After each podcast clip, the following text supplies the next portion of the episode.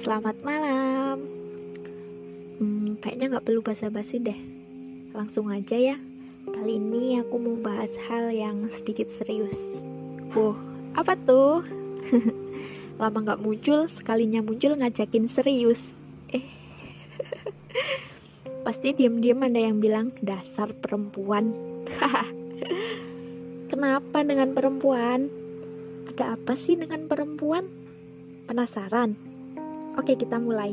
Dengerin sampai selesai ya.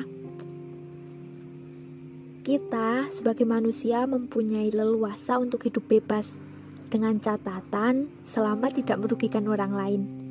Hak untuk hidup secara hormat, bebas dari rasa takut, bebas menentukan pilihan. Itu semua tidak hanya untuk laki-laki, perempuan pun memiliki hak yang sama. Sayangnya, Sampai saat ini perempuan sering kali dianggap lemah dan hanya menjadi sosok pelengkap. Terlebih adanya anggapan bahwa peran perempuan ya hanya sebatas dapur, sumur, kasur. Aduh, parah banget. Perempuan sering kali takut untuk berkarir karena tuntutan perannya sebagai ibu rumah tangga. Padahal kan tidak menutup kemungkinan seorang perempuan mampu berprestasi dan bisa menyeimbangkan antara keluarga dan karirnya. Mungkin sebagian dari kalian ada yang bertanya nih, kenapa sih perempuan minta kesetaraan? Bukannya perempuan selalu mendapatkan keistimewaan lebih? Kalau ada dua beban, juga pasti laki-laki yang lebih berat, perempuan yang lebih ringan. Oke, jadi kalau soal berbagi beban, aku rasa itu soal kemanusiaan ya, bukan mengistimewakan salah satu gender. Kalau kalian punya fisik yang kuat dan melihat orang lain yang badannya lemah, apa salahnya membantu? Kalau kalian punya otak yang cemerlang, kenapa kalian nggak membantu mereka yang maaf kemampuan kognitifnya lemah? Gitu kan? Kecuali pas ujian lo ya. Selain itu, beberapa stigma masyarakat juga masih melekat terhadap diri perempuan. Contohnya, anggapan bahwa perempuan nggak bisa jadi pemimpin, perempuan nggak boleh berkarir, perempuan sekolah tinggi-tinggi nanti juga cuman ngurusin suami, perempuan nggak boleh ini, nggak boleh itu, dan masih banyak lagi.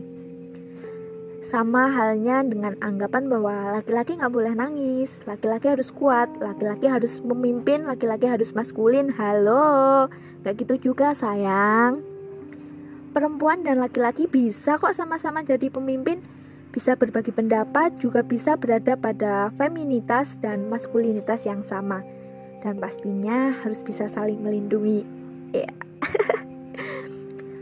Feminisme ada itu sebagai upaya untuk mengubah ketidaksetaraan gender menjadi kesetaraan gender.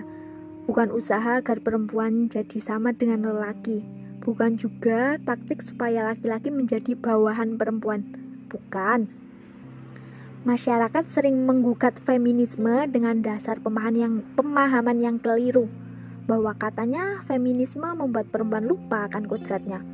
Padahal kodrat itu kan sifat asli atau bawahan yang tidak bisa diubah karena memang tercipta demikian.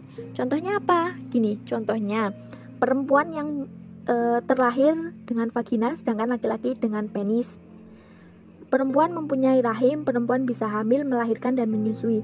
Sedangkan lelaki tidak.